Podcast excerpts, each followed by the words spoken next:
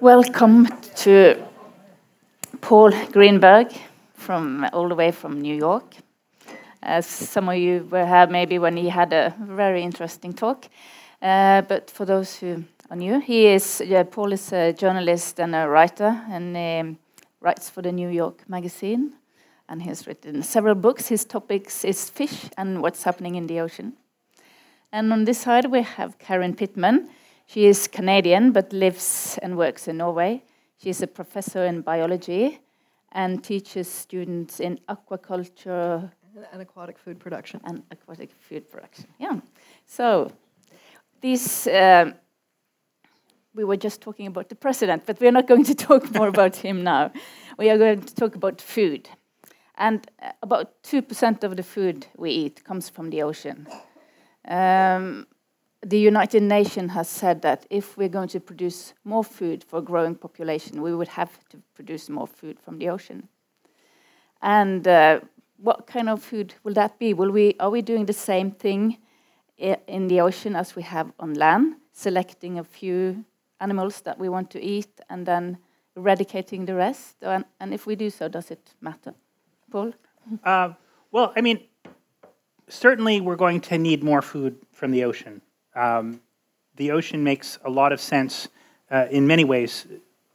When you grow a fish, it floats. Therefore, all the energy that you would normally need to grow a mammal to make it stand, um, you can put into growing more meat. Um, fish are largely cold blooded, so all the energy that mammals put into uh, warming their blood, fish don't have to use that energy at all.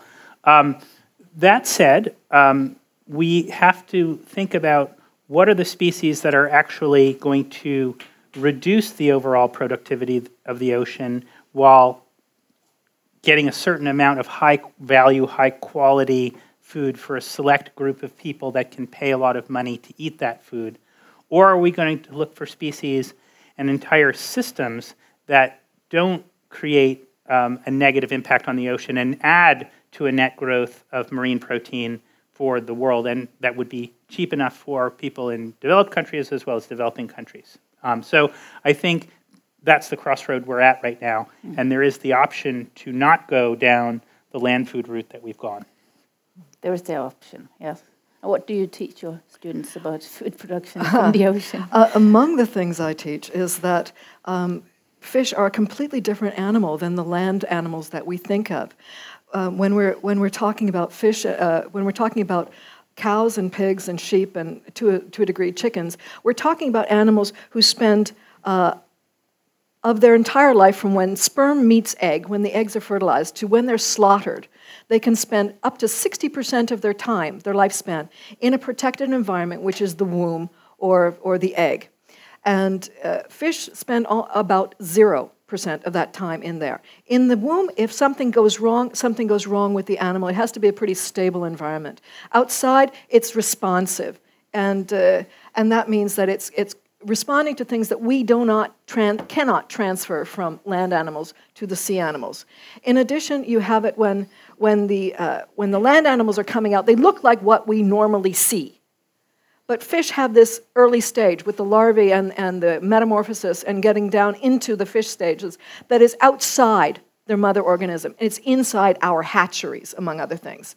And because of this, um, for example, 40 years of intensive aquaculture um, research has let us understand fish as animals better than we ever have from millennia of fishing. Among the, among the consequences of that is, now start to think. We, we know about you know, stem cells and this and that, how you can change the cell from one thing to another. You have a fish egg, a fertilized fish egg, that's outside um, and is responding to and is going to be developing into a fish with all the environmental impacts that we have going on around us. And that fish egg has also gone through another thing, which is uh, a whole genome duplication, which is geek speak for it's got about twice as many genes as, as we have in there, but talking to different partners. So when we're looking at a fish egg, we are looking at a gene rich, environmentally responsive, pluripotent cell that we have not yet exploited the understanding of enough to control. But we do know it, it gets tailored to our environments that we give it very, very quickly. And that gives us an opportunity that is beyond what we normally think of inland animals. So, this is among the things that we need to exploit. Well, that was a lecture, but Sorry.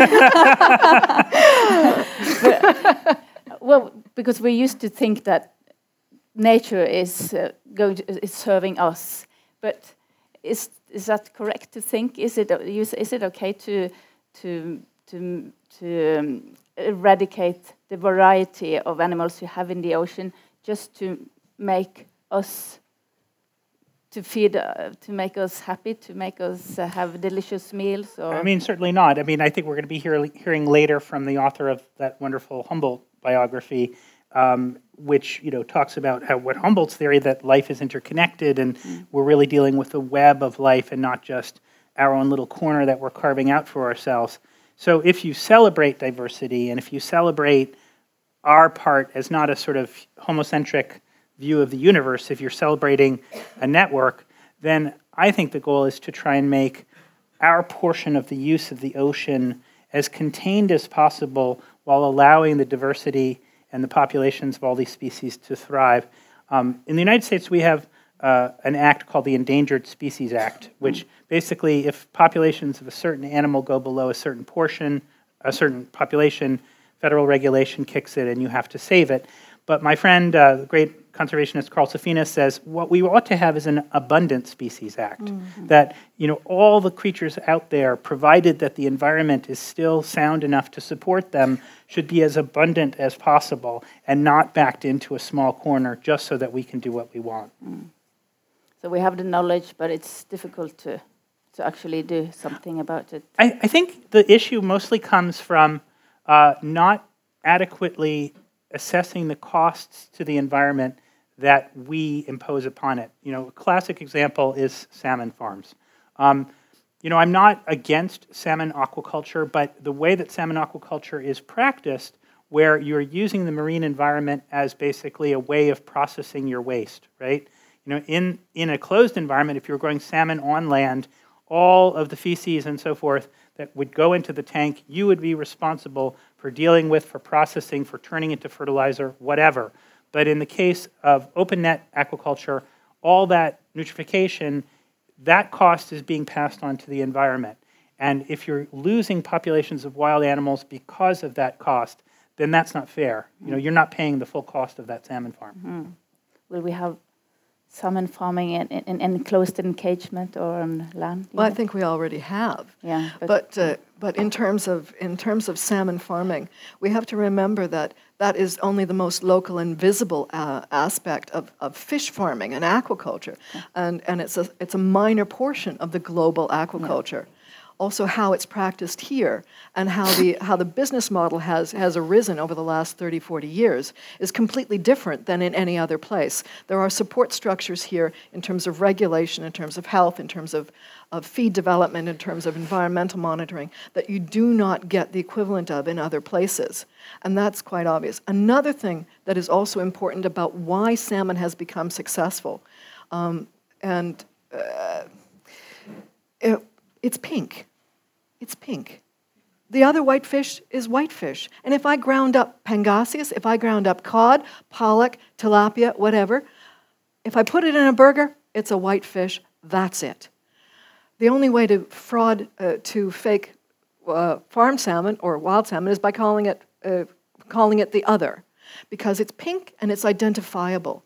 And there is uh, a great deal of the global food fish industry, or the global food industry, which we know is fraught with suppliers and traceability and so on. And in this case, salmon is traceable and it's also uh, monitored in a way that does not have its equivalent in other places. Yes, there are problems with it, but as an industry and as an industry, uh, in a way, technological leader, there are aspects to this which are worth looking closely at, not only in terms of how they build it, how they, in fact, create a problem, but how they address it and what other places can learn from it. But do, do you think, one question I've always wondered, you know, like you have the classic example of, say, you know, making sneakers, you mm. know, in, let's say, if you make sneakers in the United States, there are child labor laws, you can't hire children. Mm. Um, and, but we all like to wear sneakers. In fact, so many sneakers that there's not enough factories in the United States to produce those sneakers at the cost we want to pay for them. So as a result, we're getting all these sneakers from Indonesia and so forth with child labor laws not so uh, vigilantly followed or even implemented.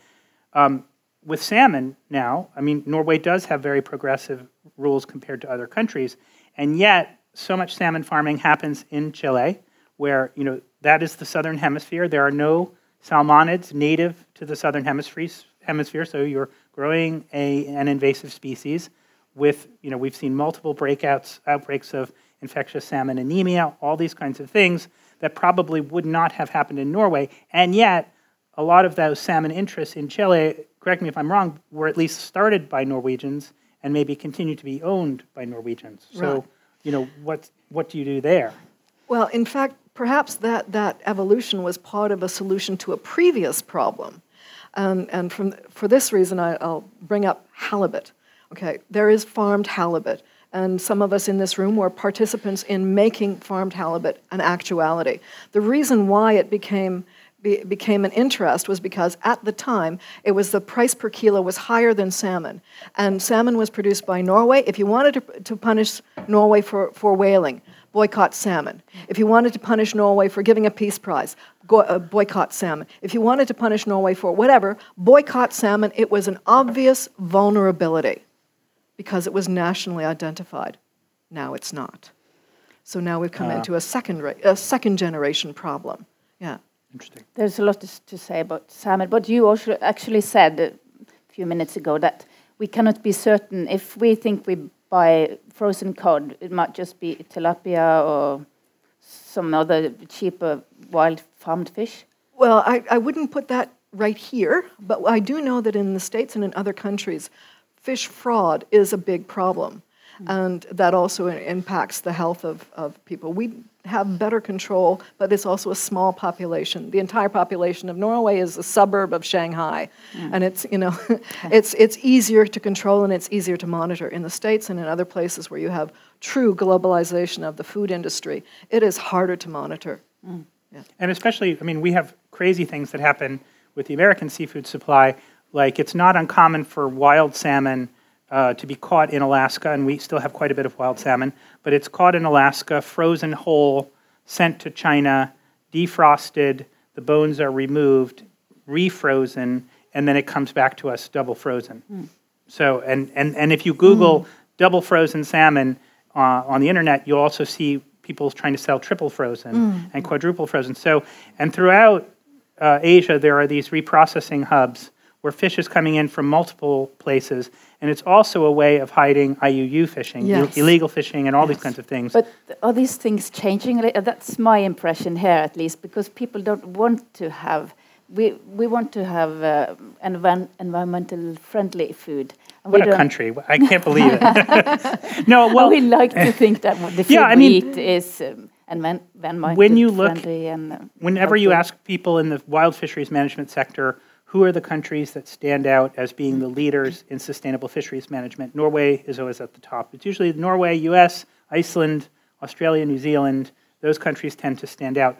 But uh, you had sent some of these questions to me in advance, and so I did a little research on it. So I spoke to there's a controversial fisheries biologist in the States named Ray Hilborn, and he's always trying to kind of debunk all this sort of pro environmental people. And I asked him, you know, so I knew I'd get a high number from him. I said, you know, how many fisheries, wild fisheries in the world, what percentage of all the wild fish in the world are subjects, subject to rules and regulations that means they are sustainable? And he said 40%.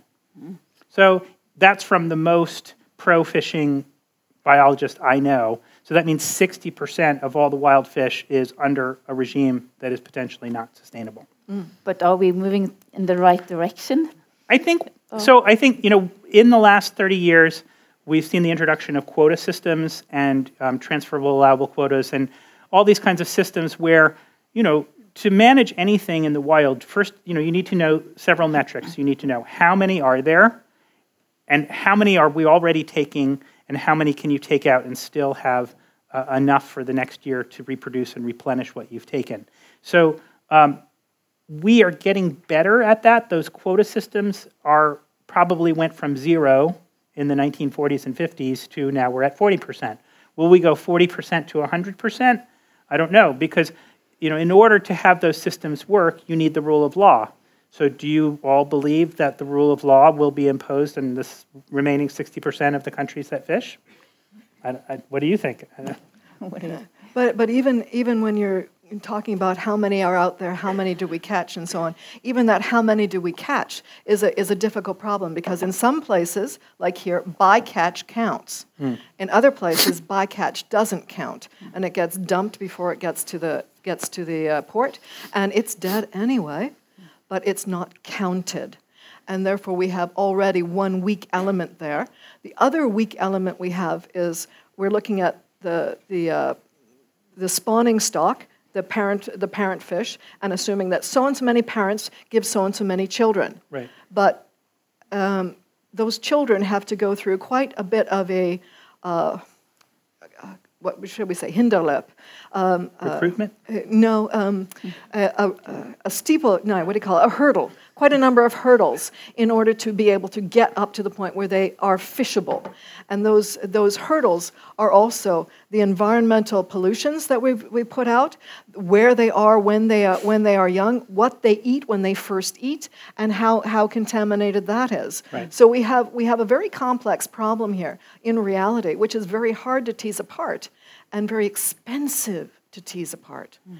And if we're going to, uh, if we're going to seriously start producing us a, a, a, large amount of food from the oceans, we can't just only look at adults and eggs. There's all that stuff in between because that egg is a environmentally responsive pluripotent cell. Right, and, and of course the, the environment is changing. Yes. And of course that makes those equations all the more difficult to yes. calculate. That said, um, uh, the most recent research I've seen is that if we were able to bring all fisheries in the world into a sustainable state, um, the estimates are that we could get maybe another 10 to 20 million metric tons. So right now we're taking about 80 million metric tons out of the oceans every year. We maybe could get it to 90 or 100 million, but you know that's nowhere near the amount we're consuming because I think we're consuming 140, 150, 160, mm-hmm. and that other part is aquaculture. So mm. we're going to have to deal with that. We still fish fish to small fish to feed other fish. Yes. Will we be doing this in the future, or will all fish go to human consumption? Do you think? I'm thinking this capelin and these small mm. fish for fish feed, I, fish oil. I don't. You know, I think right now you're dealing with um, industrial momentum. Yes. You know, I was in Peru last year looking at the anchoveta fishery. So the Peruvian anchoveta is the largest single species fishery in the world. Some years it's been 10 or 15 million metric tons, as much as you know a sixth of the entire world catch is anchoveta, and 99% of it gets grinded up and turned into meal and oil. Um, it's a perfectly delicious fish. You can put it on a pizza. You could mm. put it on toast. It's it's perfectly edible. Um, the problem is that you have this entire capital infrastructure um, built around reduction, and so decommissioning that is really hard. I mean, the example uh, that's worth noting is the uh, actually the Norwegian, largely Norwegian and British whaling in the Southern Ocean, in the Antarctic. You know, and when people were trying to put sustainable whaling quotas on the Southern Ocean, a British mathematician worked it out that if you were to kill all of the whales and boil them for the oil and sell that oil and invest it in the stock market, it would make more of an annual return than a sustainable harvest of whales every year. So if that is what the market is arguing, you're going to kill all the frickin' whales. It's just the way it goes. yeah, but still, the, we, will probably get more paid for the fish that goes to human consumption than fish that goes to fish meal and fish oil. We hope.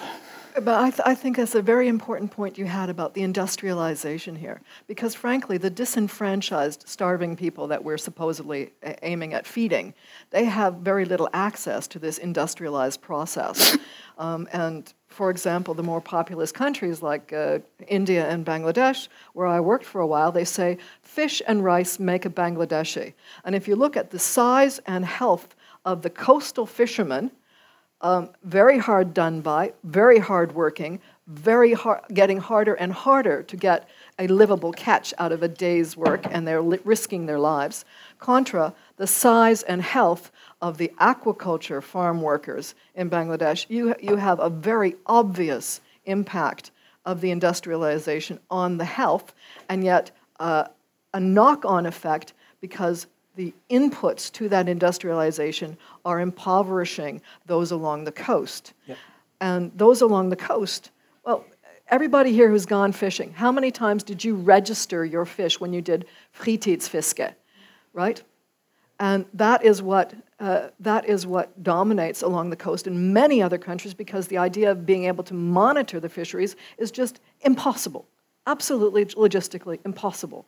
So we have a, a conundrum here where we have a high, we have we have fisheries and aquaculture in the space age and the stone age existing simultaneously, and we're still talking about food production.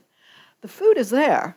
Our production systems are in fact those that are tripping us up in many ways. And, and the other thing, also, of course, that will get us out of killing fish to feed fish is the price of these alternative feeds. And so, as I said in the previous session, um, just this last year, uh, several large um, American um, multinational agricultural companies, Cargill and Monsanto, have developed, and I say this knowing I'm in Europe, genetically modified um, rapeseed oil and soybeans that can now produce um, long chain fatty acids, that is EPA and DHA, that are exactly what you need to grow a lot of farmed fish. That's the main reason at this point that we're killing fish to feed fish. Suddenly, there is this GMO alternative that allows us to grow something with a fairly low input and cuts the wild fish out of the picture entirely. But that raises that giant question you know, do we want GMO in our food system? Mm. You know, in, in, in Europe. we in think Europe. And mm. We tend to be more conservative or whatever you call I, it. I than tend to be conservative. I mean, I've been on the radio a lot in the United States because we actually have a genetically modified salmon that recently was approved by the Food and Drug Administration. And then in the next probably two or three years, we're going to start seeing genetically modified salmon on our market. Um, I feel highly ambivalent about it. Um, I also feel highly ambivalent, though, about taking five to 10 million metric tons of wildlife out of the sea and grinding it up and turning it into, you know, into fish meal and fish oil. So you were talking about the perfect aquaculture species. Yeah.